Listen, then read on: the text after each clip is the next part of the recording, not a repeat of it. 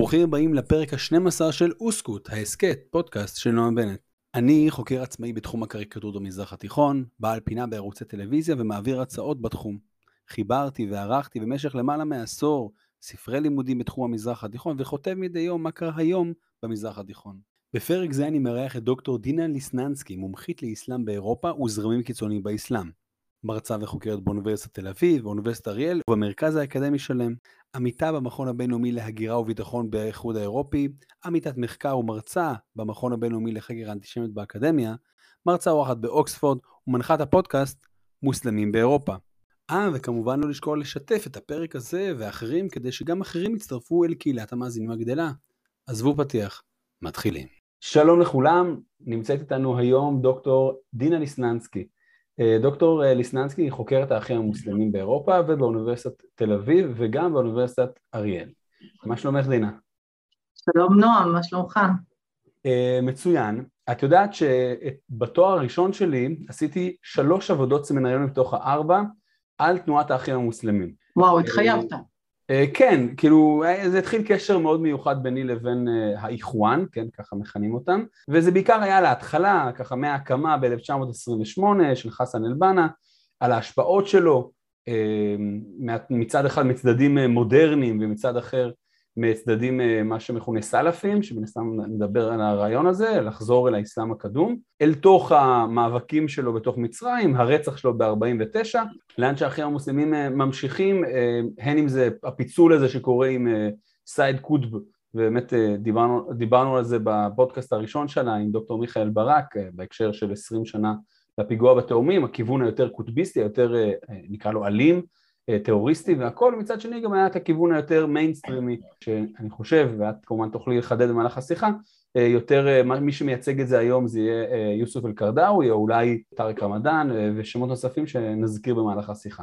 אז אני זוכר שאני כתבתי את העבודה ב-2010 ואני זוכר שאמרתי לחברים שלי שתראו, מובארק מן הסתם מה שנקרא פה והכל אבל ברגע שהוא ינסה להעביר את השלטון לבן שלו אם יהיה בלאגן צריך לשים לב לאחים המוסלמים. עכשיו, אני לא מתיימר להגיד שצפיתי את האביב הערבי, כי אם כן, לא יודע, הייתי במקום אחר כנראה היום, אבל יש כל כך הרבה אירועים ודיבורים בתוך האחים המוסלמים, ואנחנו מנסים בשיחה שלנו להתמקד בעצם אה, בגרסה האירופאית שלה.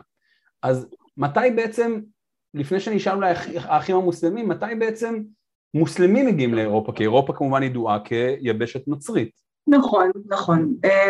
קודם כל, הנושא של המוסלמים באירופה הוא נושא שנוי במחלוקת. כל, אני עוזבת עכשיו את הפן הפוליטי בצד, אנחנו אולי לא נדבר עליו בכלל היום, אמ, אבל גם עצם העובדה של מתי מתחילים בעצם את הספירה הזאת, מתי אנחנו מתחילים להבין שיש מוסלמים באירופה, מתי הם מתחילים להגיע. ונהוג לומר שלא היו מוסלמים באירופה עד בערך אמצע המאה העשרים, ושהם התחילו להגיע לאחר מלחמת העולם השנייה, ושהם התחילו אה, להגיע כמהגרי עבודה, כלומר גל ההגירה הראשון היה גל של מהגרי עבודה, וזה קרה ככל הנראה מכיוון שמלחמת העולם השנייה חיסלה אה, כמות עצומה של גברים אה, שבעצם של ידיים עובדות, ונזקקו לידיים עובדות ממקור אחר, ואז הזמינו למעשה מהגרי עבודה, ולא ספרו אותם בכלל, כלומר לא, לא נתנו להם איזשהם מכסות או הגבלות או מגבלות, הם אמרו פשוט תגיעו. עכשיו מי הגיע? הגיעו למעשה אותם אנשים שנמצאו בקולוניות לשעבר של אותן מדינות אירופאיות, אני מדברת על בריטניה עם הקולוניות שלה בתת היבשת ההודית, אני מדברת על uh, צרפת עם הקולוניות שלה בצפון אפריקה, וכמובן לשתיהן היו מנדטים במזרח התיכון, אז אנחנו מדברים על מצרים, עיראקים, סורים, לובים ומה לא, ובסופו של יום אנחנו מגיעים למצב שבו יש לנו הרבה קהילות של מוסלמים, שאף אחד לא מתייחס אליהם כאל מיעוט דתי, אלא כאל מיעוטים אתניים. זאת אומרת, זה הנרטיב הראשון שאני רוצה להציג. אבל אה, אם אנחנו נחזור עוד אחורה, אנחנו נראה שהמוסלמים באירופה הם לא באמת אורחים, לפחות זה הטיעון של הרבה חוקרים מוסלמים אירופאים שאומרים על עצמם שחכו, אה, אתם קצת מגזימים בכל התיאורים האלה של ההגירה המסיבית המוסלמית לאירופה הנוצרית. הרי לפני שאירופה הייתה נוצרית לחלוטין, או בזמן שהייתה נוצרית לחלוטין, עדיין היינו מובלעות מוסלמיות פה ושם, ואפילו בחלק מהזמן אנחנו שלטנו בחלקים גדולים מאירופה, כמו כמובן בתקופה של החליפות האומאית ולאחר מכן חליפות שנותרה למעשה בספרד ופורטוגל בחצי האי האיבר.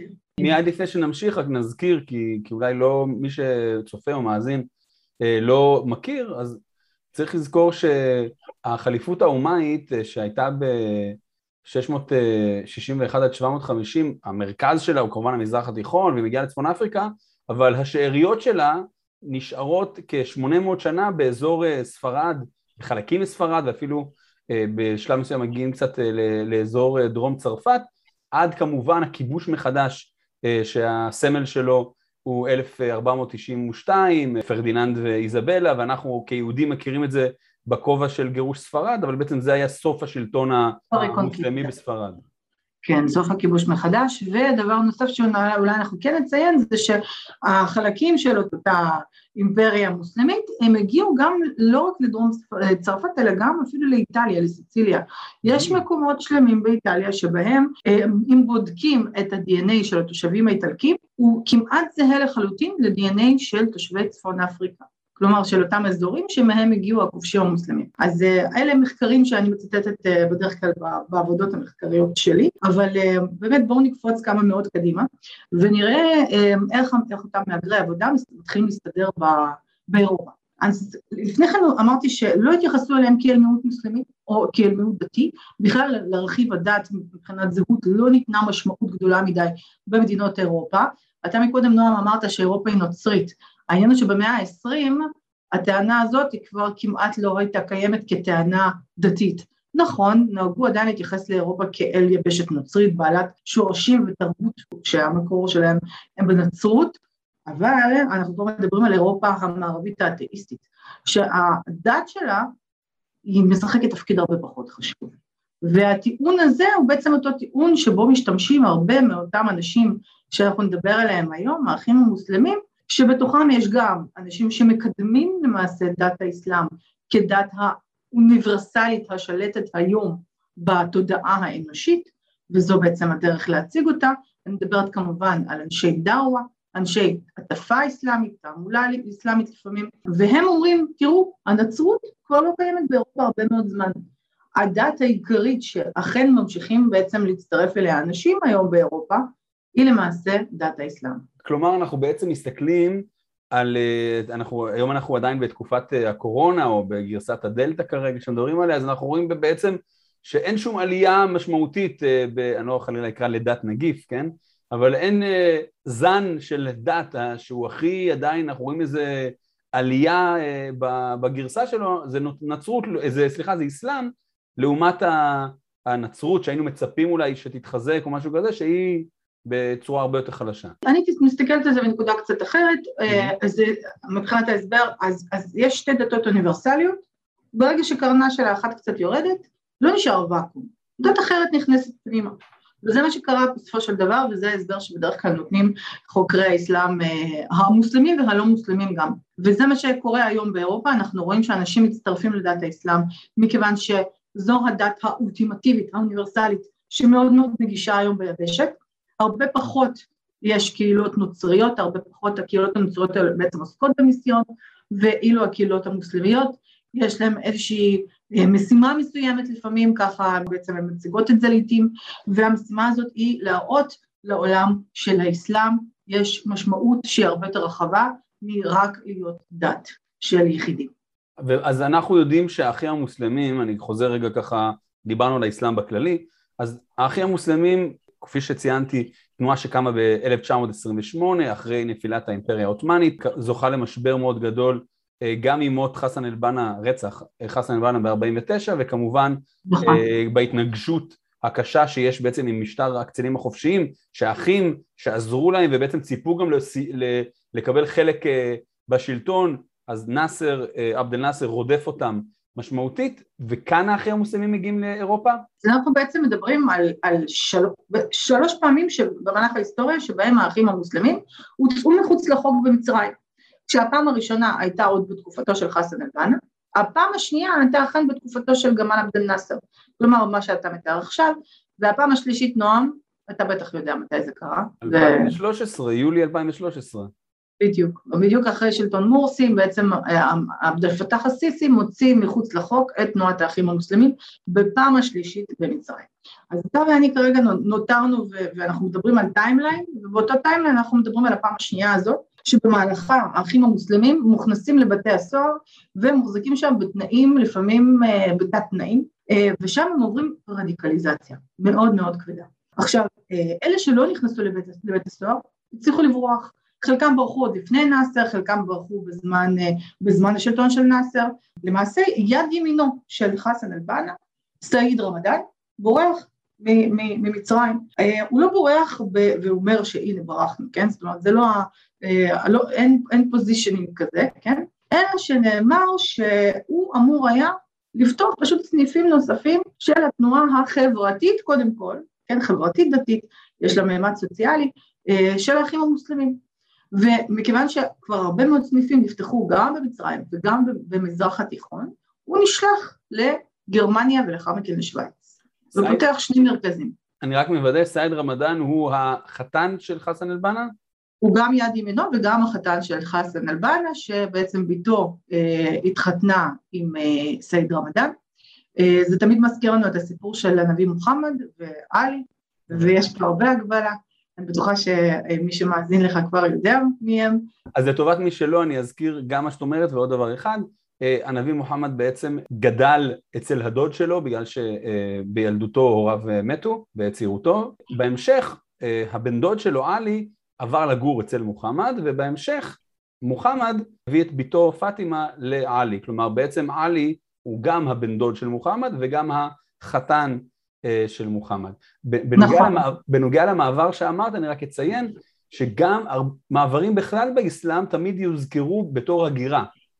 כן? כולנו זוכרים שבשנת 622 נכון. אה, מוחמד ומאמיניו עוזבים את מכה, ששם הוא לא התקבל, ועוברים על מדינה, והדבר הזה הוא בעצם תחילת האסלאם, ככה מוגדר. אז כאשר אני משער אה, שסייד רמדאן, החתן ויד ימינו של חסן אל-בנה עובר לגרמניה, הוא ראה את זה כהיג'רה ומן הסתם עשה לעצמו השוואות משלו. אנחנו לא באמת יודעים אם הוא ראה את זה כהיג'רה, אבל זו מחשבה mm. מאוד יפה, נועם. אנחנו כן יכולים לבחור להסתכל על זה גם ככה, בטוחה שיש גם uh, כתבים שנותרו uh, בנושא הזה שכן מעידים על כך. Uh, ההתייחסות היא כן, הרחבת ההשפעה מצד אחד, מצד שני, נתן איזשהו בית, מקלט, כן, לאותם, uh, נקרא, נקרא לו מקלט אמוני, אוקיי? ש, ש, שקיים בשביל אותם מוסלמים מהגרי עבודה, שלא מוצאים את עצמם כל כך בעולם האירופאי החדש הזה. עכשיו אותם מהגרי עבודה, ונחזור אליהם עכשיו, הם אה, מהגרי עבודה כבר בשנות החמישים ותחילת שנות השישים אה, באירופה, אבל באיזשהו שלב הרי הם הגיעו בלי המשפחות שלהם. ואז במדינת, במדינות שונות באירופה, במיוחד באיחוד האירופי, כן, אנחנו רואים שנעשה איזשהו, איזשהו מאמץ לחוקק חוקים שא' ימסדו איכשהו את המעמד הלא ברור הזה של מהגרי עבודה, אף אחד לא אמר להם לכמה שנים הם מגיעים נועם, עד כדי כך לא היה ברור, כל הסיטואציה הזאת לא הייתה ברורה, לא ידעו לכמה זמן הם מגיעים, לא ידעו כמה מהם יגיעו, לא ידעו האם צריך להגביל אנשים בכלל בהגעה שלהם וכמה אנשים יכולים להביא איתם. אז באיזשהו שלב קמו, אה, קמו מחוקקים ואמרו, תראו, זה לא הגיוני שאנשים יחיו פה עשרות שנים והמשפחות שלהם נותרו במרוקו, אלג'יר, אה, עיראק, מצרים וכולי. ואמרו בואו נעשה פה חוק איחוד משפחות. ובעצם בריטניה הייתה הראשונה לחוקק את החוק הזה, לאחר מכן צרפת ומדינות נוספות הצטרפו, כמו הולנד, בלגיה ועוד, גרמניה כמובן, גרמניה אגב הרוב המוסלמי של מהגרי עבודה היו טורקים ונותרו עד היום. אה, אנחנו מסתכלים על כל הסיטואציה הזאת, אגב ימי קורונה נכון? אז אה, בואו נזכיר את העובדה שמי שעזרו ובעצם פיתחו את החיסון נגד קורונה של פייזר, אלה בעצם אה, בני זוג אה, שהמקור שלהם הוא אה, מהגרים אה, טורקים בגרמניה, הם ילדים למהגרים. אז אה, מעניין מה שקרה פה, נכון? יש פה איזושהי היסטוריה שמתרחשת לנגד עינינו והיא קשורה למה שאנחנו מדברים עליו. אה, אותם מהגרי עבודה היו צריכים להתאחד עם המשפחות שלהם. נחקקו חוקים לאיחוד משפחות ואז הגיע הגל השני של בעצם המהגרים של המאה ה-20, של אותם מוסלמים שמתאחדים עם האבות. עכשיו, אה, נועם, הגברים צעירים שנמצאים שנים או עשרות שנים במדינות אה, מערביות, מובן מאליו שהם כבר הקימו משפחות חדשות. אז מה שקרה זה שהחלו הרבה מאוד חיכוכים בין המשפחות החדשות שהם בנו להם, ובין ה... המשפחות נבנו עם נשים לא מוסלמיות בכלל, כן, בדרך כלל הם לא המירו את דתן לאסלאם, גם אין צורך כזה מבחינת דת האסלאם שאישה תמיר את דתה, רק אה, הגבר חייב להיות מוסלמי, הילדים ממילא, כן, יהיו מוסלמים לפי האבא, אה, אז לא היה צורך כזה ולכן רוב הנשים האלה אכן היו לא מוסלמיות. ואז מגיעות המשפחות הראשונות, עם האישה הראשונה והילדים, ו- ויש המון המון חיכוכים תרבותיים, אה, אה, כלכליים ומה לא, ומתחילים גם, איך לא, חיכוכים פוליטיים ודתיים. ועל כל הרקע הזה אני מספרת, כדי לתאר לתוך איזו אווירה בעצם נכנס סעיד רמדאן עם פתיחת המרכזים האסלאמיים שלו בגרמניה ובשוויץ. מתי סעיד רמדאן מגיע ל... לאירופה בעצם? סייד רמדאן מגיע אה, בתחילת שנות ה-60, למעשה יש כאלה שאומרים שהוא הגיע בסוף שנות ה-50, הוא עבר איזושהי דרך, הוא שהה בכמה מדינות בדרך, ובסופו של יום אנחנו יודעים שהוא מגיע בתחילת שנות ה-60, התחילו להיפתח מרכזים. אותם מרכזים אסלאמיים נפתחים על טהרת האיחואנג'יה, אוקיי? זאת אומרת האחים המוסלמים שבאותה התקופה הם כבר לא רק תנועה חברתית או פוליטית, אלא גם הופכים להיות אידיאולוגיה דתית. וזה אומר שלא צריך כבר להיות חבר בארגון עצמו או לקבל כרטיס חבר, כן? עם, עם כלל המינוח הארגוני שקיים שם, וקיים הרבה, החל ממורשיד וחניכים ועוד ועוד, אנחנו בכל זאת מדברים על התארגנות שהחלה בשנת 1928, שכל האיזמים למיניהם, קומוניזם, פשיזם ועוד ועוד, קיימים, והתנועה הזאת קמה למעשה כשיקוף של התנועות האלה, ולכן הארגון שלה מאוד מזכיר לנו ארגונים איסטים דומים, אוקיי? זאת אומרת, האחים המוסלמים לא קמו להם בוואקום. אז אנחנו פתאום מסתכלים על, ה, על, ה, על שנות ה-60 המוקדמות בשוויץ וגרמניה, ואנחנו רואים שמהגרי עבודה שהגיעו עשור שני עשורים לפני כן, מקבלים פתאום מרכזים אסלאמיים. עכשיו נועם, אני מסתכלת על כל הדבר הזה כבן אדם מבחוץ שחוקר את הדבר הזה, ואני מסתכלת ואני אומרת לעצמי, רגע, אבל מאיזה זרם אסלאמי היו בעצם, איזה זרם, היו האימאנים במרכזים האלה, או המורים במרכזים האלה. ואז אני מתחילה לקבל תשובות מאוד לא חד משמעיות מהשטח. ואנשים שאני מראיינת בצרפת, באיטליה, במדינות אחרות, מתחילים לספר לי שלמעשה עד היום המרכזים האסלאמיים והמסגדים הקיימים מחולקים לפי uh, המוצא האתני. ויש מסגדים אלג'יראים, ומסגדים מרוקאים ועיראקים ומצרים, אבל uh, אין מסגדים uh, של זרמים. ואני לא מאמינה לזה. ואז אני מגיעה לשם, ומתחילה לעשות בדיקות יותר משמעותיות. זה החלק מהמחקר שלי, מחקר שטח, וזה המחקר שעסקתי בו במהלך הדוקטורט שלי. אני מגיעה למסגדים האלו ואני צריכה להבין ש, שיש הבדל גדול בין מה שמספרים לי ובין האמת שאנחנו רואים שם. ולאט לאט הדברים מתחילים לחלחל גם החוצה. אנחנו רואים שיש מסגדים סלאפים, ויש מסגדים של האחים המוסלמים, ויש מסגדים סופים, ויש מסגדים שיעים ומסגדים סונים רגילים, כן? ויש המון המון דברים, מה שלא נוגד את העובדה שיש אימאמים ש, שהם חייבים לשמור על איזשהו מוצא מסוים כדי להישאר אימאמים של קהילות מסוימות, אוקיי? יש עדיין עד היום, עדיין בכל זאת מרכזים אסלאמיים לפי שיוך אתני. וזה מחזיר אותנו לסעיד רמדאן, שהוא בעצם מצרי, שמגיע לשוויץ ופותח מרכז אסלאמי גדול מאוד, ואותו מרכז אסלאמי עד היום משמש למעשה כאחת הלשכות, המרכזיות של האחים המוסלמים באירופה, ויש לו קשר מאוד ברור, א', לארץ המוצא שלו, וב', לאידיאולוגיה שהוא מביא, של האחים המוסלמים. מאותו רגע אני חושבת שאפשר להגיד שזה בעצם קו פרשת המים. ואז אנחנו יכולים להתחיל להבין שהאחים המוסלמים הם לא מגיעים לאירופה כדי לברוח ממצרים, הם מגיעים לאירופה כדי להשתכן בה. ואותו חלק בעצם של האחים המוסלמים יישאר באירופה ונשאר עד היום. אנחנו רואים את כל ההתפשטות המסוימת הזאת של האידיאולוגיה של האחים המוסלמים כמיינסטרים מסוים בקרב אותן קהילות של מוסלמים שהגיעו אפילו הרבה אחרי סעיד רמדאן. זה יהיה נכון להגיד שרוב המוסלמים באירופה הם איכווניסטים, כלומר אנשי אחים מוסלמים? זה לא יהיה נכון להגיד, ופה הסיבוך. מאוד מאוד קשה לתת פה הגדרה חד משמעית ולכן לא ניתן אותה. נסביר דברים, ננסה להסביר אותם הכי מדויק שניתן. רוב המוסלמים באירופה לא משייכים את עצמם א', לשום זרם אידיאולוגי, ב', לשום זרם דתי. אלה שכן יודעים לשייך את עצמם לזרם דתי מסוים, mm-hmm. פשוט אומרים אנחנו מוסלמים, זהו.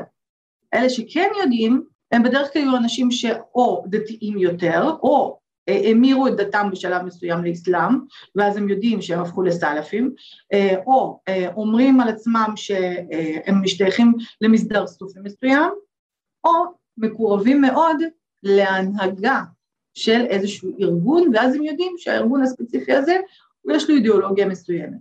חשוב לומר פה, שאותם ארגונים שיש להם השתייכות או שייכות אידיאולוגית או ארגונית קודמת לאחים המוסלמים, נוטים להכחיש או להדחיק אפילו את, ה, את הזיקה הזאת.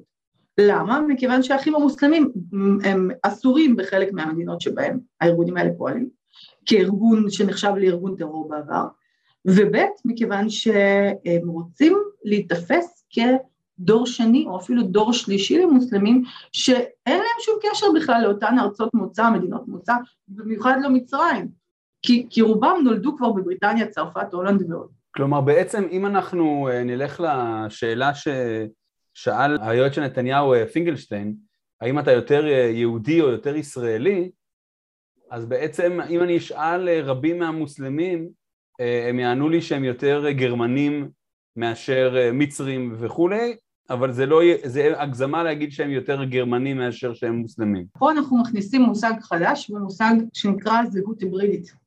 זה מושג שחשוב לדעת להשתמש בו, ואני יודעת שזה מצחיק אותך, אז אתה כבר מחייך פה, אני רואה. אה, זה מצחיק אותך וזה בצדק, בגלל שאני באמת משתמשת בו כמעט בכל הרצאה שאני מעבירה, ואני מעבירה הרבה, או כמעט בכל רעיון שאנחנו, שבו אנחנו מדברים על זהויות אה, מוסלמיות במערב, מכיוון שלזהות היברידית יש משמעות, ואנחנו חייבים לעמוד עליה. המשמעות של זהות היברידית היא שיש אה, כמה זהויות, כמה רכיבי זהות בכל אדם ואדם, ובכל uh, תקופה בחיים שלו הוא בוחר להשתמש יותר ברכיב מסוים. ולכן השאלה שאתה שואל, או ששאל פינקלשטיין, מה אתה יותר, אני אתרגם את זה לשפה עכשיו של, ה, של השיח שלנו, מוסלמי או גרמני, מוסלמי או צרפתי, וזו שאלה שבכלל לא מתקבלת על הדעת. בדרך כלל מה שאותם אנשים יגידו, או רוב המוסלמים יגידו באירופה, אני גם וגם, וזה לא מנוגד אחד לשני. ואותו טארק רמדאן שהזכרת בתחילת השיחה שלנו, שהוא הנכד של חסן אל-בנה, מייסד האחים המוסלמים, והבן של סעיד רמדאן, שאותו הזכרנו מקודם, טארק רמדאן כתב ספר שלם, למעשה יותר מספר אחד, הוא כתב הרבה מאוד מאמרים גם על הנושא, אבל ספר שלם שהוקדש לנושא של הזהות של מוסלמי אירופה, הוא לא קורא להם יותר מוסלמי אירופה, הוא קורא להם אירופאים מוסלמים. ואם וואו. תשים לב לרטוריקה, נכון, וואו, אם תשים לב לרטוריקה, אתה תראה, נועם, שכשאנחנו אומרים אירופאים מוסלמים, יש פה אמירה מאוד מאוד חזקה שהמהות שלה זה שהזהות שלנו היא, היא מורכבת באופן ברור מאוד מזהות היברידית, זאת אומרת זה לא רכיב אחד ועוד אחד, יש לנו כמה זהויות פה. למרות ש... למרות ש... טארק רמדאן, הכרתי אותו לראשונה אה, בתואר הראשון שלי בקורסים לערבית, הביאו לנו מאמרים עליו וזה דחף אותי לכתוב עליו את הערך בוויקיפדיה בעברית, שברוך השם הערך התפתח עם הזמן ואת חקרת עליו משמעותית, אז כמובן שאת מוזמנת להרחיב אותו, אני חושב כרגע על אחי הבכור עמיחי, שהוא כזה ויקיפד רציני, אז הוא יהיה גאה בי שאני ממליץ לך. אז, אז אנחנו בעצם מגיעים לטאריק רמדאן, שהוא בעצם, כפי שאמרת, מנסה לשלב בין אה, שני הצדדים האלה שלו, אה, למרות שלדעתי אם הוא אומר שהוא אירופאי מוסלמי, אז האירופאי כן מקבל איזה ראשוניות, אבל לא יודע אם צריך עכשיו להתעמק אה, עד כדי כך, אין לי בעיה להגיד שהוא רוצה להגיד שהוא גם וגם, אבל זה נשמע, ככה מרגיש לי, שטארק רמדאן עושה את אותה סינתזה שעשה סבא שלו, ואולי אפילו גם האבא. כלומר, חסן אל-בנה בא ואומר, יש לי סלפיה, את החזרה למקורות, ולהוציא את ההשפעות המערביות. לצד אני רוצה להיות אה, גם ארגון מודרני, והופה יש לי את האחים המוסלמים, והנה מגיע טארק רמדאן ובעצם עושה את אותה גרסה של שנות האלפיים. האמת שיש פה עניין אפילו מסובך יותר. קודם כל זה נכון, יש פה המשכיות, יש פה עניין של דורות שמשקיעים מאוד בסינתזה הזאת, וזו הגישה, זאת אומרת זו הגישה המודרנית למעשה לאסלאם. כל הרפורמה האסלאמית שאותה מוביל חסן אל-בנה, היא גם, היא לא דבר חדש, זה דבר שבזמנו מי שכתב עליה הכי הרבה היה אבו עלה אל-מרדודי, בכלל בסוף המאה ה-19, תחילת המאה ה-20, וחסן אל-בנה הוא זה שממשיך דרכו כבר ביבשת אחרת לגמרי. עכשיו, למה אני מזכירה את זה? מכיוון שהסינתזה הזאת בין איסלאם ובין העולם המודרני היא סינתזה שיש בה המון המון אה, מכשולים בדרך. אנחנו חשים את המכשולים האלה הכי הרבה כשאנחנו מסתכלים על, על, על הניסיון אה, לגשר על הפערים האלו במיוחד במקומות שבהם המוסלמים הם לא, הם לא השלטון המרכזי. כמו אירופה, כמו רוסיה, כמו מדינות נוספות, ובוודאי שגם בישראל, אנחנו רואים את זה גם, זה מאוד מעניין להסתכל על זה, מכיוון שגם בישראל אותן בעיות הן בעצם מתקיימות. ואז כשאנחנו רואים את הניסיון של טארק רמדאן לייצר את הסינתזה המעניינת הזאת, אני חייבת להזכיר פה משהו.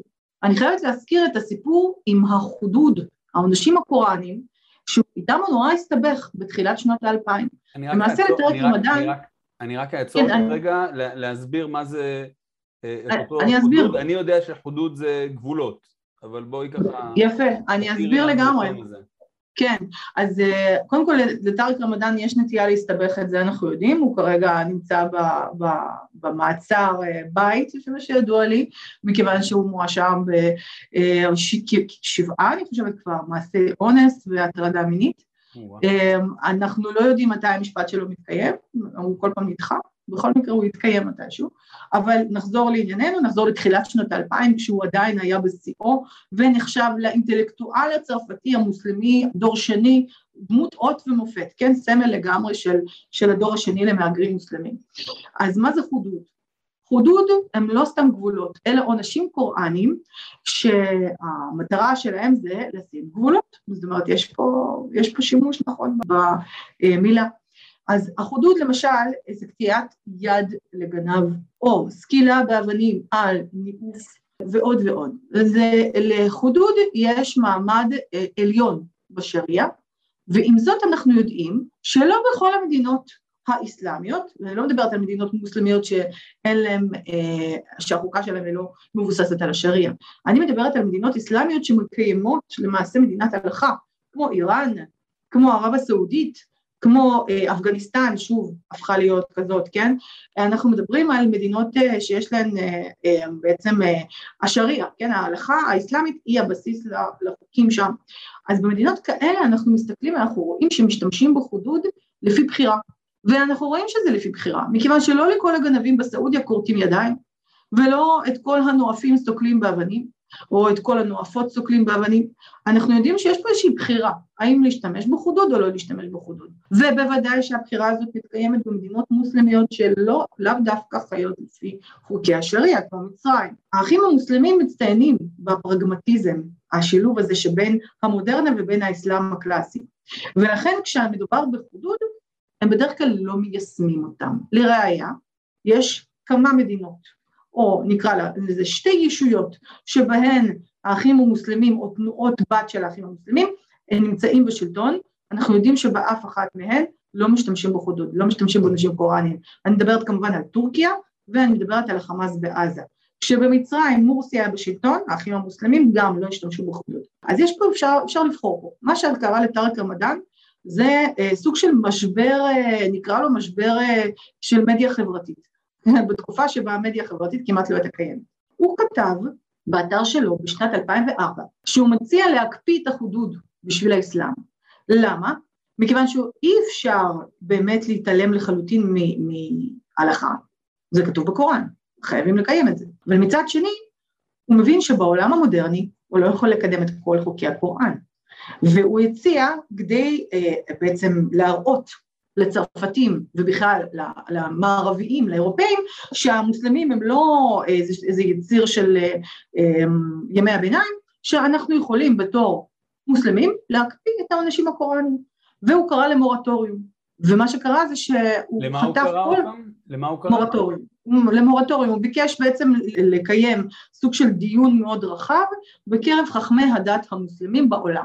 וביקש מהם לגנות אה, או להקפיא את החודוד, לגנות אי אפשר בכלל, להקפיא אפשר, אף אחד לא הסכים, מעבר לזה הוא חטף קיתונות של ביקורת אה, מקיר אל קיר על זה שהוא בכלל ניסה לגעת ולשנות איזשהו חוק קוראני, הוא לא ניסה לשנות, הוא רק ניסה להקפיא, בקיצור לא הלך לו, לכן אה, הדוגמה הזאת היא דוגמה מאוד סמלית בעיניי לניסיון שלו לקדם עוד יותר את האסלאם אל המודרנה ולחוסר הפרגון מצד רוב חכמי הדת המוסלמים בעולם. אז בכל הצד הזה, טארק רמדאן, אני אקצין כמובן באמירה שלי לטובת החידוד, הוא בעצם אה, רפורמי כזה.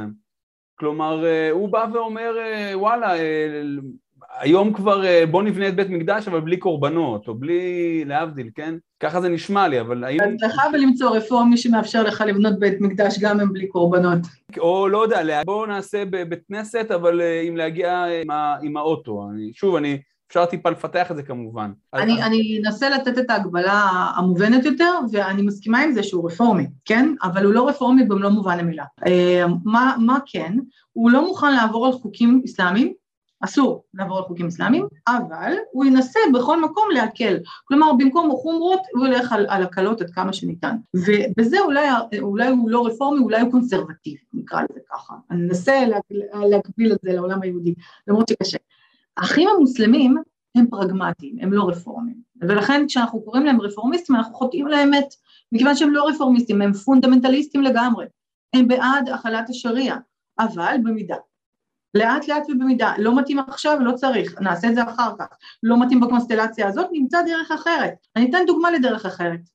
גם ב-2004 יצא חוק שמגנה, או אפילו אוסר, אה, עטיית כיסויי ראש, חיג'אב, בבתי ספר מוסלמים ולא מוסלמים בצרפת. עכשיו בבתי ספר מוסלמים היה קשה לגעת כי מדובר בבתי ספר פרטיים בלבד, אבל במערכת של פאבליק סקורס, כלומר בתי ספר ציבוריים, אה, בהחלט החוק הזה קיבל מימד של גזרה.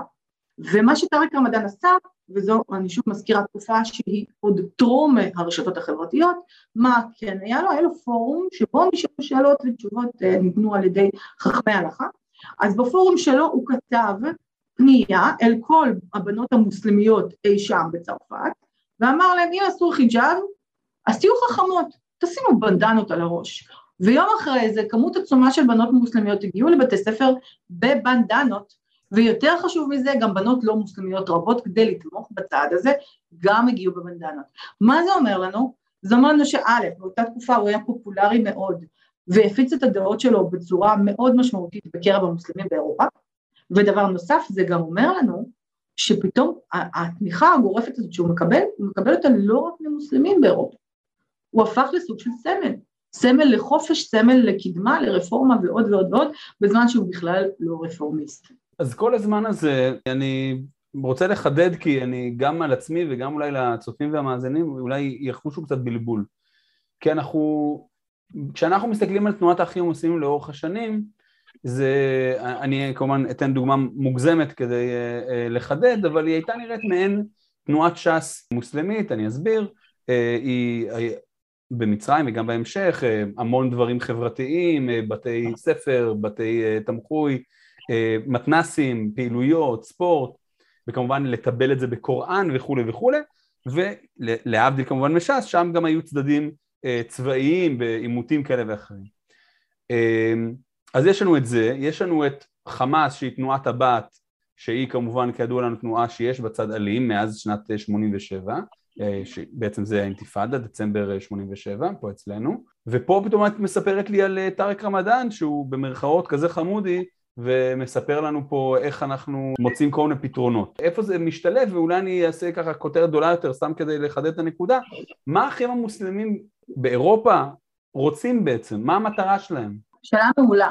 ואם תשאל את האחים המוסלמים באירופה, וזה אגב, אין כזה דבר האחים המוסלמים ככלל באירופה, יש תנועות בת או תנועות משתייכות ששייכות בצורה כזאת או אחרת לאידיאולוגיה של האחים המוסלמים, אז אם תשאל אותם מה הם רוצים, הם יגידו אנחנו רוצים לעשות אינטגרציה. וזה מה שהם גם כותבים באתרים שלהם, למשל ה-UIF, שזה בעצם גוף אה, ששינה את, את שמו כבר לא מעט פעמים כדי להתחבב יותר על האזרחים הצרפתים, והיום קוראים לו אה, פשוט מוסלמן דה פרנס, כלומר מוסלמי צרפת. הם נכסו לעצמם את כלל המוסלמים של צרפת, למרות העובדה שרוב המוסלמים של צרפת אפילו לא מכירים אותם, שים לב. אז מה שקורה זה שהם, אם תפנה אליהם, הם יגידו, אנחנו רוצים לעשות אינטגרציה, בלי לאבד את המקורות שלנו, כלומר מה שטארק רמדאן הציע. שלמילה אינטגרציה יש משמעות כפולה בכלל, מכיוון שבצד הצרפתי שומעים אינטגרציה, מעולה, זה ניצוצות וכוכבים בשמיים והכל טוב ויפה, ציפורים שרות, כלומר מוסלמים רוצים להפוך לצרפתים.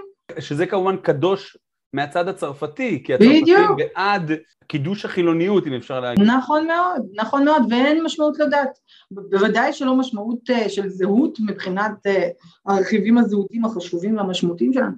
בכל מקרה זה אחד. מצד שני, מצד המוסלמים בצרפת, מסתכלים על המילה הזאת אינטגרציה ורואים בזה משהו מגונה לחלוטין, זה אומר לוותר על המשמעות של האסלאם, זה אומר לוותר על עצמנו, לוותר על התרבות שלנו, על הציוויליזציה שלנו, ובשביל מה? רק כדי להיות אזרחים סוג ב' כמו שאנחנו, כן, אני כרגע מצטטת הרבה מהאנשים שראיינתי, להיות אנשים אה, סוג ב', בכל מקרה אה, זה לא משהו שעובר בקלות בגרון המוסלמי צרפתי אה, או צרפתי מוסלמי ולכן כשהמוסלמן דה פרנס משתמשים במילה הזאת אינטגרציה הם רוצים לסבר את האוזן הצרפתית, לא את האוזן המוסלמית, ואם אנחנו נסתכל על המקור של התנועה, אנחנו נראה שמקורה בתנועת מטריה הרבה יותר גדולה ורחבה, אגב גם ה-UIF, התנועה של האחים המוסלמים בצרפת, כוללת תחת, בעצם היא, היא כוללת מתחתיה 200, מעל 200 ארגונים ועמותות מוסלמים אה, ברחבי צרפת, לא מעט, נכון? אז גם ה-UIF של אותן 200 תנועות היא בעצם רק אחת התנועות של האחים המוסלמים באירופה, כשכולם נמצאים תחת הארגון הפדרטיבי, הפדרציה של הארגונים האסלאמיים באירופה, FIOE, אוקיי? אז אותם FIOE החזיקו במשך שנים באתר שלהם מניפסט בערבית ובאנגלית, שבו הם מדברים על המטרה של האחים המוסלמים באירופה, והיא טאוטין. עכשיו נועם, אתה יודע ערבית, אתה יודע מה זה טאוטין. מה זה טאוטין? טאוטין זה מלשון, מלשון וואטן, מלשון לאומיות. נכון, מלשון מולדת, מחפשים מולדת. עכשיו חשוב לומר פה שזה לא סתם לאומיות, הרי לאומיות בערבית יש לה, שתי, יש לה שני מושגים, אחד זה וואטניה, כלומר לאומיות שקשורה למקום, למולדת, ואחד זה קאומיה, כלומר לאומיות שקשורה למוצא אתני. אז פה אנחנו לא מדברים רק על טורקים, כן, על, על איזשהו מוצא אתני שהופך לחלק מהלאומיות, אנחנו מדברים על טורקים, מציאת מולדת חלופית אולי, או ניסיון להתאזרח, זאת אומרת יש פה איזשהו ניסיון להפוך את אירופה למולדת. אחת הטענות שתומכות למעשה בטיעון הזה או ברצון הזה של, של הפדרציה, של הארגונים האסלאמיים, שהם בעצם האחים המוסלמים של אירופה, זו טענה שאומרת, שגם טארק רמדאן אומר אותה, היום מי שנולד כאזרח בריטי וצרפתי ובלגי וכולי, אנחנו לא, לא רק שאנחנו, זה לא מגונה שאנחנו פה, בניגוד להלכה האסלאמית שאומרת שאסור סתם ככה לחיות לא תחת שלטון אסלאמי. אנחנו חייבים להיות פה, זה מחובתנו, מכיוון שאנחנו מדברים כבר לא על מה שהיה פעם דר אל-אסלאם מול דר אל-חרב, כלומר עולם האסלאם מול עולם המלחמה, וזה אגב זו חלוקה ימי ביניים הלכתית אה, שחילקה בזמנו את העולם לעולם שבו יש שלטון אסלאמי, לאותם חלקים בעולם ש, ששם מותר למוסלמים לחיות, ולעולם המלחמה, כלומר אותם חלקים בעולם שבהם מתרחשת מלחמה נגד המוסלמים. ואגב, באיזו דרך אנחנו הופכים את דר אל-חרב לדר אל-אסלאם? לכאורה בדרך החרב. בדיוק, באמצעות ג'יהאד, אנחנו מדברים על מושגים ימי ביניים כמובן. היום הסיטואציה אחרת, וטארק רמדאן מדבר על זה בכתבים שלו, והוא מדבר על כך והוא מסתמך גם על פייסל אל-מאולווי, והוא מסתמך על חכמי דת נוספים, והוא מסתמך גם על יוסף אל-קרדאווי שהזכרת אותו, שהוא הסמכות הרוחנית הגדולה ביותר כרגע לווסטיה, שזה בעצם דרך המרכז, כן, שזו האידיאולוגיה של האחים המוסלמים, קרדאווי ואחריו גם טארק רמדאן, שניהם אומרים שעכשיו אירופה, או בכלל המערב, גם ארצות הברית כמובן, ואוסטרליה, הם כבר לא דר אל חרב, הם לא עולם המלחמה. למה? כי השלטון שם לא נלחם במוסלמים, קודם כל. גם אם הוא נלחם במוסלמים במדינות האסלאם איפשהו, הוא לא נלחם במוסלמים שבעצם הם אזרחים של אותן מדינות. יותר מזה, הם מאפשרים למוסלמים לחיות תחת חוקי הדת המוסלמית ולא לוותר עליהם, מה שהופך את המדינות האלה מדר אחד, מעולם המלחמה, לדר דעווה, כלומר לעולם שבו ניתן להיות מוסלמי, או דר אל-שהאדה, או דר אל-עהד, כל אלו הם בעצם חלופות למקום שבו למוסלמים ניתן להיות מוסלמים ולהטיף לאסלאם. אבל בואו נעשה רגע הבחנה, בעצם באים ואומרים אנחנו לא רוצים לכבוש את אירופה בחרב, אה, או בגרסאות המעודכנות יותר של חרב, אלא אנחנו נעשה את זה, נקרא לזה במקום בית המלחמה, אלא נקרא לזה בית ההטפה או הזמנה, כן? דעווה זה הזמנה להזמין אנשים להצטרף אל האסלאם. ראייה, נכון.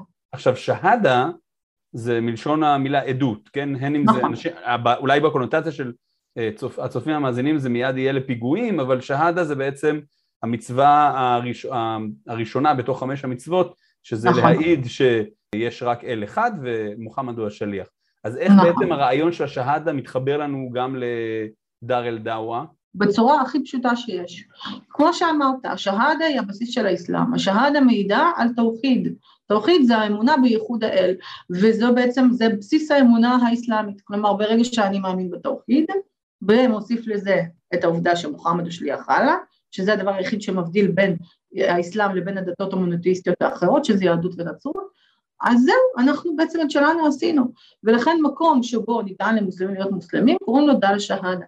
עכשיו, דל דאווה, יש איזושהי טענה שאומרת, וזו טענה שלא כולם אגב מכירים, אבל זאת, יש טענה שאומרת שאם אתה מוסלמי, אתה צריך לדעת שאתה בעצם חלק מהדת הכי נכונה שיש, והטובה ביותר שיש. ומחובתך, נועם, לא זכות, חלק, טובה, אתה, חובה, סליחה, אתה חייב להראות לאחרים את הדרך.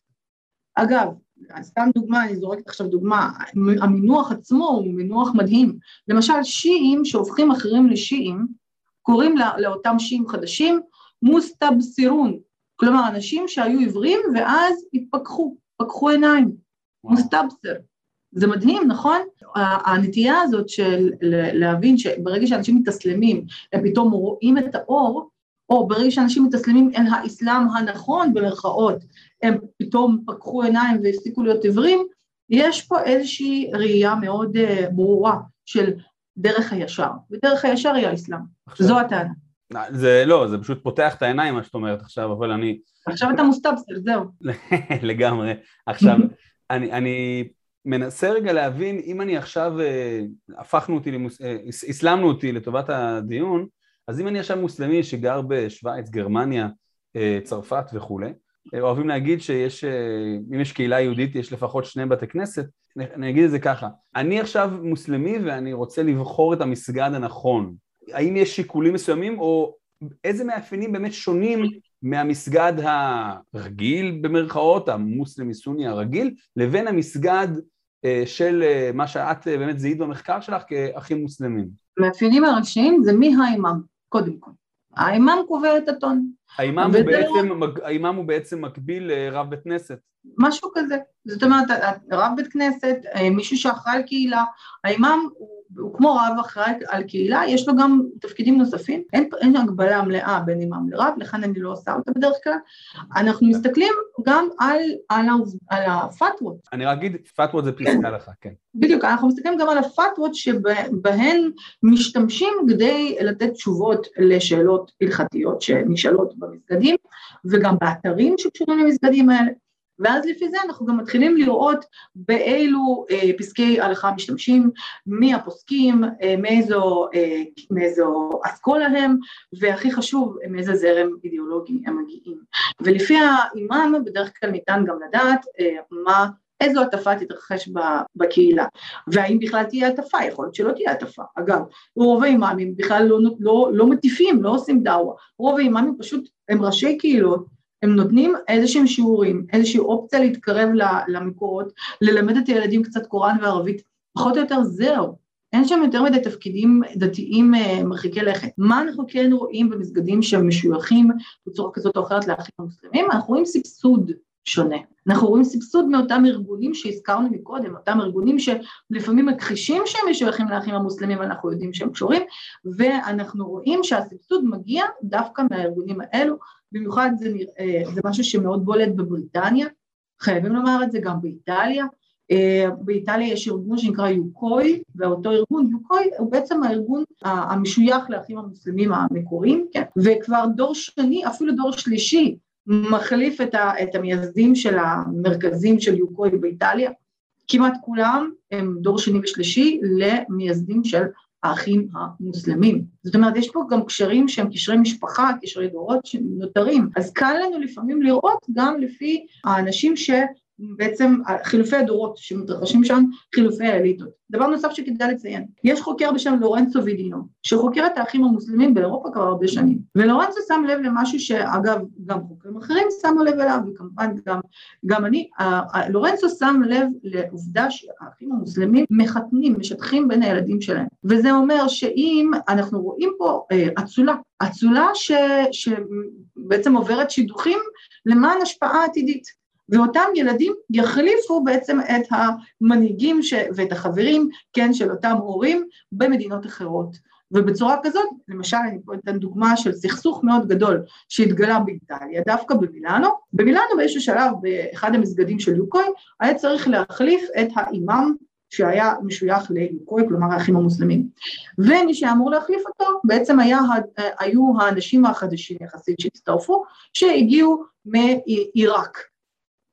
אלא שהאימאם של אותו אה, מסגד בעצמו הגיע דווקא ממצרים, ואותם אנשים שתמכו במועמדות של, של, של האימאם העיראקי, הוא לא עיראקי, הוא נולד כבר במילאנו, אבל ההורים שלו מעיראק, אותם אנשים שתמכו בעיראקי היו בעיקר יוצאי צפון אפריקה, אז מה, מה עשה אותו, אותו אימאם? כדי לשמור על, ה, על הבסיס בידיים של המשפחה, זה כמו מאפיה קטנה, הוא פשוט הזמין, במרכאות, כן, הוא הזמין בן של אימאם אחר, ולאחר מכן כשהוא ראה שזה לא הולך, הוא הזמין אחיינית של אימאם אחר ממקום אחר, שהם בעצם מהאצולה המקורית.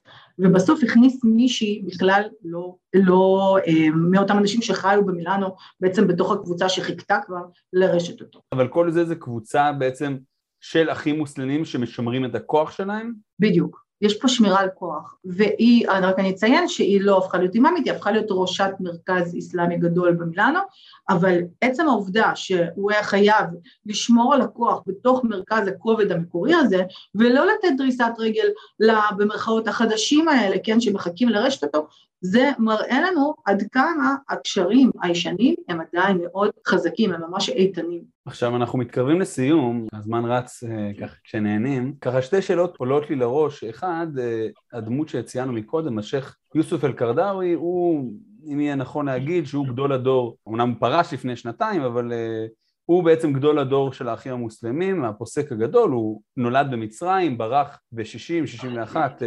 לנסיכות קטנטנה ושולית בשם אה, קטאר, רק שקטאר אה, התעשרה ברמות אה, מוגזמות מהגז שיש לה ובאמת יש לו בתוך ערוץ אל-ג'זירה שהוקם ב-96 יש לו, היה לו המון שנים תוכנית שבאמת עם צפייה מאוד גדולה שבעצם העביר שיעורי, שיעורי דת. אז איפה הוא נמצא או איפה הרעיונות שלו נמצאים, הרי הוא פרש ויש לו מחליפים, לא, לא, לא, לא נלאה את כולם עכשיו בשמות המחליפים, כי יוסף אל-קרדאווי הוא באמת השם המוכר, אבל מה, איזה דברים מעניינים יש לנו לדעת על יוסף אל-קרדאווי? כי זה שם שמדי פעם אנחנו שומעים לאחרונה האם הוא מת או לא, אבל uh, דברים שמעניינים שכדאי שנדע על יוסף אל-קרדאווי. אני חושבת שאחד הדברים העיקריים זה שיוסף אל-קרדאווי, למרות התדמית המאוד uh, עתיקה שנוצרה לו, הוא יודע לפתור את הפרדוקס הזה של uh, זמן ומקום. מה שהוא יודע לעשות זה להראות את היכולת שלו להסתגל לשינויים מודרניים. קודם כל התוכנית שלו באמת שציינת אותה שהייתה באלג'זירה הייתה תוכנית אחת, אחת הפופולריות ביותר שבכלל אי פעם היו באלג'זירה ויש, ויש לה תוכנית פופולריות מאוד בעולם הערבי וגם בכלל, כן? חסר לנו על איתיג'ה אל-מואקיס למשל ועוד הרבה תוכניות אחרות. אז התוכנית של קרדאווי הייתה מאוד מאוד פופולרית. דבר נוסף, קרדאווי הוא בן אדם של חזון, וזה מה ששימר אותו כל כך הרבה שנים בעצם כסמכות רוחנית גבוהה בכל הסיפור הזה של האחים המוסלמים. שני מפעלים גדולים, אני אזכיר עכשיו לפני שנתפרק, שהוא הקים ונותרו עד היום בעצם מפעלי דגל של האחים המוסלמים באירופה. המפעל הראשון הוא ECFR, שזה European Council of Fatwa and Research, אה, שנמצאת בדבלין באירלנד, ויש לה למעשה סניפים רחבים בכלל אירופה, בכל אירופה. המטרה כמעט היחידה והראשית של המרכז הזה, זה בעצם לתת מענה לשאלות שנשאלות על ההלכה האסלאמית. ברגע שמישהו שהוא מאמין בדרך הווסטיה של האחים המוסלמים מחזיק במרכז כזה, למעשה הוא מרכז את כלל השאלות והתשובות, כן, שמקבלים המוסלמים באירופה בנושאים של ההלכה. והרבה מאוד אנשים שולחים לשם שאלות עד היום. זה אחד. שתיים, המפעל הגדול השני זה בעצם מפעל התודעה. ומפעל התודעה שקרדאווי ייצר, הוא לא מתבייש למעשה לומר את מה שאחרים מפחדים או חוששים או מתביישים לומר, כי אין לו מה להפסיד.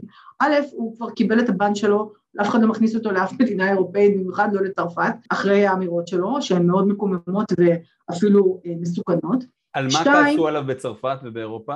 תכף אני אגיד, וזאת אחת האמירות שבאמת אה, עלינו חטף הכי הרבה. ושתיים, אה, הוא כבר מאוד זקן, כי בכל אין לו מה להפסיד. הוא נמצא לו בדוחה, בקטאר, ונהנה מחיי מותרות מאוד גדולים ומשופעים, וזהו, הוא הונח לו על זרי דפנה במידה והוא עדיין מסוגל להבין מה, מה קורה מסביבו, הוא באמת כבר איש מאוד מאוד קשיש. עכשיו, קרדאווי הודה בפה מלא, ויש הרבה הקלטות של זה, שלמעשה המוסלמים באירופה, המטרה שלהם היא לכבוש אותם מחדש. הפעם לא דרך הג'יהאד, כמו שדיברנו על זה מקודם, לא בסייף, כן, לא בחרב, אלא דרך הדאווה שעליה דיברנו. הכל פה מתחבר לנו בעצם פה. בדיוק, בדיוק, וקרדאווי טוען שדרך הדוגמה האישית של המוסלמים באירופה, אותה דוגמה אישית שעליה טארק רמדאן מדבר המון, כשהוא מספר על, על איך מוסלמי אירופאי צריך להתנהג ולהיראות, ואגב מפר את הצו של עצמו בשנים האחרונות, כמו שאנחנו רואים, אבל נעזוב את זה רגע בצד, אז קרדאווי אומר שדאווה זו בעצם התכלית והמהות של השהייה של המוסלמים באירופה, הוא אומר בדרך דרך הדמוגרפיה, הילודה, כן, הרבה של המוסלמים באירופה ודרך הדאווה, זו דרך לכבוש למעשה טרור. נועם, לפני שאנחנו נעזוב את קרדאווי בצד, חייבת לומר פה אה, שיש פה המון השגות. רוב מוסלמי אירופה לא רק לא, לא מסכימים עם קרדאווי, הם גם לא מכירים אותו בכלל.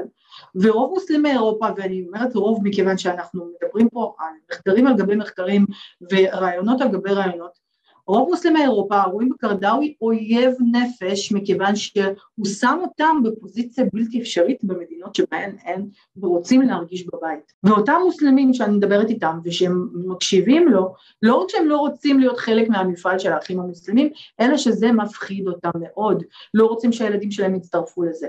הדבר הנוסף שמפחיד אותם אפילו יותר מזה, זה שהאחים המוסלמים בעצם הם הולידו מתוכם הרבה מאוד אידיאולוגיות קיצוניות נוספות, שחלקן בעצם מוכרות פה לכולם, אל-קאעידה, דאעש ועוד, המקורות של כולם מתחילים פחות או יותר בעצם באידיאולוגיה של האחים המוסלמים, גם אם נכנסו אידיאולוגיות אחרות באמצע, ולכן הרבה מאוד הורים מוסלמים היום באירופה חוששים מאוד מרדיקליזציה של הילדים שלהם, הם לא יודעים לשים את האצבע ולהגיד הנה זה האימאם שאני לא רוצה שהם יבואו להקשיב לו, אבל הם יודעים טוב מאוד למה הם לא רוצים שהילדים יצטרפו. אז ממש לסיום, שאלה שננסה ככה, מה שנקרא, to wrap it all up, ננסה ככה בשאלה אחת אה, לסכם את הכל, אז אחת התוכניות שעשתה הרבה רעש לפני כמה שנים היה של אה, צבי יחזקאלי, אז ערוץ 10, היום 13, והוא כן. תיאר על האסלאם ובתוכניות אחרות את האסלאם הקיצוני באירופה, ובעצם אני רוצה גם לש... בעצם לשאול האם זה רלוונטי וכמה זה מדויק, אבל